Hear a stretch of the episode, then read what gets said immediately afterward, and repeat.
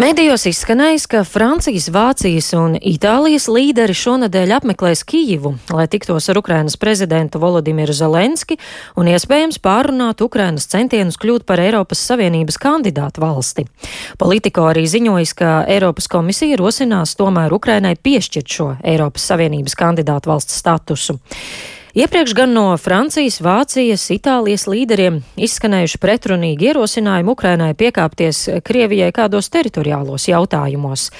Viens gan ir tas, kas izskan publiskajā retorikā, bet bieži vien pavisam kas cits norisinās eh, reālajā politikā un tās aizkulisēs. Un par to, kas tad tajās notiek Ukrainas sakarā, Sarunāšos eh, ar Latvijas Nacionālās aizsardzības akadēmijas drošības un strateģiskās pētniecības centra direktoru Tomu Rostoku. Labrīt! Labrīt!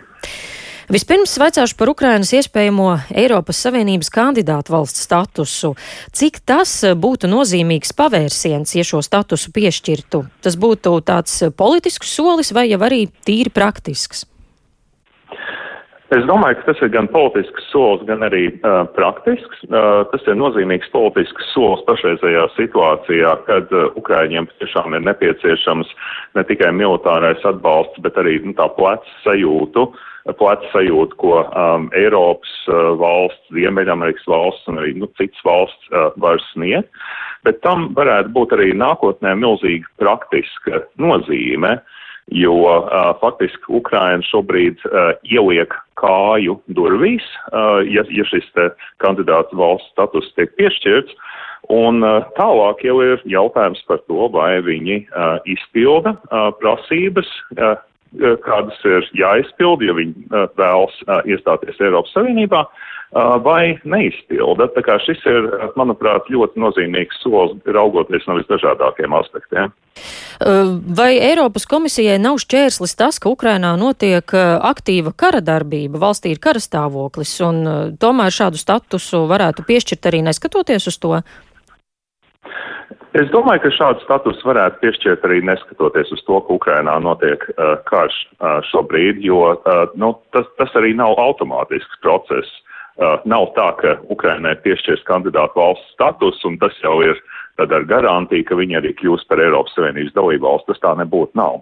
Uh, bet, uh, bet, bet šajā brīdī tas ir uh nozīmīgs solis uh, gan Eiropas valstīm, kuras uh, ļoti uh, atbalsta Ukrainu visdažādākajos veidos, gan arī atbalsts uh, pašiem uh, Ukraiņiem. Bet, protams, uh, to vai uh, Ukraina uh, beig beigās kļūst par Eiropas Savienības dalību valsti vai nē, uh, um, to lielā mērā uh, izšķirs uh, kara norises, un arī pēc tam Ukrainas pašas spēja um, izpildīt prasības, kādas valstīm ir jāizpild, lai viņas kļūtu par Eiropas Savienības dalību valstīm. Mm, un tas, ka ja Ukrainai ir šis status, uh, situāciju kara laukā un uh, attiecībās ar Krieviju, tas kaut kā varētu ietekmēt? Es domāju, ka tas neietekmēs uh, necik būtiski uh, kara norisi. Es nedomāju, ka, uh, ka Krievijas uh, uzbrukumi varētu kļūt agresīvāk vai arī, ka Krievija tieši pretēji varētu uh, piekāpties. Es domāju, ka nu, no Krievijas viedokļa raugoties, jā, tas varētu būt solis, ka nu, vēl, vēl viens apliecinājums tam, cik ļoti Rietumvalsts tomēr atbalsta Ukrainu. Un Krievijai nu, šo signālu būtu labi arī ņemt vērā. Taču vismaz uh, tuvākajā nākotnē es, es neparedzu nekādu ietekmu uz konfliktu norisi. Mm, ja mēs arī paraugāmies nākotnē, kā jūs lēšat, uh, cik ilgā laikā un vispār vai Ukrainai varētu izdoties izpildīt prasības ceļā uz Eiropas Savienību? Nu, uh, Baltijas valstīm kopš brīža, kad mēs izteicām vēlmi iestāties Eiropas Savienībā, un, protams, kandidātu valsts status mēs ieguvām vēlāk, un ne visi arī vienā laikā, Uh, nu, mums pagāja gandrīz desmit gadi. Nu, teiksim, no kandidātu valsts status iegūšanas līdz iestāšanās brīdim, nu, teiksim, pieci gadi vai septiņi gadi. Uh, bet, uh, bet šajā, nu, šis ir tāds, uh, nu, pārmaiņu laiks, uh, kad daudz lietas, ja varētu tā teikt, nu, viņas karājās gaisā. Uh, un, uh, nu, tie varētu būt um, desmit gadi uh, vai, vai, vai pieci gadi, jo daudz kas ir atkarīgs no, no kara iznākuma, no tā, cik apņēmīgi uh, Ukraina uh, varētu virzīties uh, uz uh, dalību uh, Eiropas Savienībā. Uh, bet, uh, nu, nu, tā realistiski raugoties, nu, visticamāk jau, ja Ukrainā tas iestāšanās process būtu līdzīgs tam, kādu, kādu izgājām mēs, uh, tad, nu, tas ceļš varētu būt kādi uh, desmit gadi. Bet es domāju, ka Ukrainas gadījumā tur, būtu arī ļoti svarīgi uh, saprast, nu, kad, uh, ka šis kandidātu valsts status tad uh, zināmā mērā tiktu saistīts arī ar um, um, Ukrainas uh, atjaunošanu pēc, uh, pēc kara uh, beigām. Tas, uh, tas būtu vēl, šis te status būtu vēl viens, uh, nu, tāds pamudinājums sniegt Ukrainai palīdzību uh, valsts rekonstrukcijai pēc kara. Mm. Par Makronu, Šolca un Dragī iespējamo vizīti Ukrainā un arī šo valstu vadītāju nostāju un viedokļiem, kādi ir izskanējuši. Kāds būt, kas ir tas īstais un patiesais mērķis, kādēļ viņi dodas uz Kijevu un ar, par ko viņi varētu ar Zelenski runāt vai mēģināt uz kaut ko pierunāt? Es, eh, es, es domāju, ka uh, divi svarīgi, uh, svarīgākie sarunu uh, temati tomēr būs uh, Ukrainas Eiropas Savienības kandidātu valsts status. Vēl viens būtisks temats, par ko Ukraina noteikti gribēs runāt, ir ieroču piegādes un, un arī finansiālais atbalsts Ukrainai. Uh, bet, uh, nu, uh, kas attiecās uz šo triju valstu nu, tādu līdzšinējo nostāju, kas, kas mums varbūt Baltijas valstīs nav bijusi īpaši labi saprotama, tad, manuprāt, ka šo valstu priekšstats par iespējamo kara iznākumu varētu būt nedaudz atšķirīgs no tā, kāds ir mums.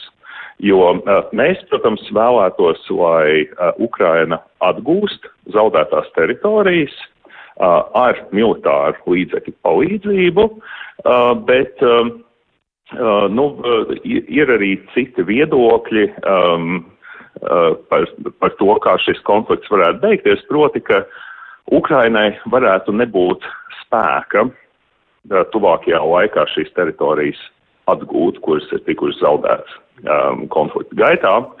Un, uh, un tad ir tomēr ir diezgan likumsakarīgs tas jautājums, nu, kā tad tas konflikts tiek noslēgts, um, un ja Ukrainai nav iespēja šīs teritorijas atgūt, tad, nu, uh, ko Ukrainai vajadzētu darīt. Un tā, tas ir tāds sāpīgs izvēles.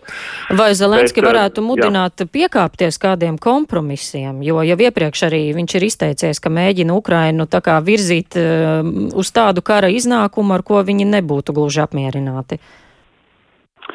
Um, nu jā, tas, tas, par ko es pirms brītiņa runāju, tas, uh, tas faktiski attiecās uz situāciju, kad Ukraina gribētu turpināt karu un atkarot tās teritorijas, bet viņiem nebūtu praktisku iespēju to izdarīt. Un jautājums ir par to, ko tad darīt. Uh, bet, uh, bet, protams, ka no, no mūsu viedokļa raugoties, Uh, būtu tomēr svarīgi Ukrainai sniegt militāro palīdzību, kas viņiem tiešām varētu atļaut padzīt Krievijas karaspēku un, un uzvarēt šajā karā. Un šādi raugoties, nu, gan, nu, jo īpaši Vācija, tad šķiet, ka nav gluži pildījusi savus apņemšanās attiecībā uz militārās palīdzības uh, sniegšanu, jo paziņojumi ir bijuši, bet nu, tā militārā palīdzība kā nenonāk līdz Ukrainai, tā nenonāk. Nu jā, viens izskan publiski retorikā, bet otrs pilnīgi praktiski un uz kaujas lauka vēl tos ieročus nemana. Bet šodien notiks trešā kontaktgrupu sanāksme Ramstein 3, kur uh, valstu aizsardzības ministri spriedīs par militāro palīdzību Ukrainai. Uh, līdz šim jau mm, Ukraina esot saņēmusi tikai 10% no rietumiem pieprasītajiem ieročiem. Uh, vai pēc šīs šodienas tikšanās varētu sekot kāds jūtams pavērsiens bruņojuma piegādēs un jau kāda praktiskāka rīcība? Nu, uh, bruņoj, bruņojuma piegādes tomēr uh, prasa laiku. Un uh, šī kara sākuma posmā Ukrainai tiks sniegt palīdzību, ko viņi tiešām uzreiz arī ātri varēja izmantot.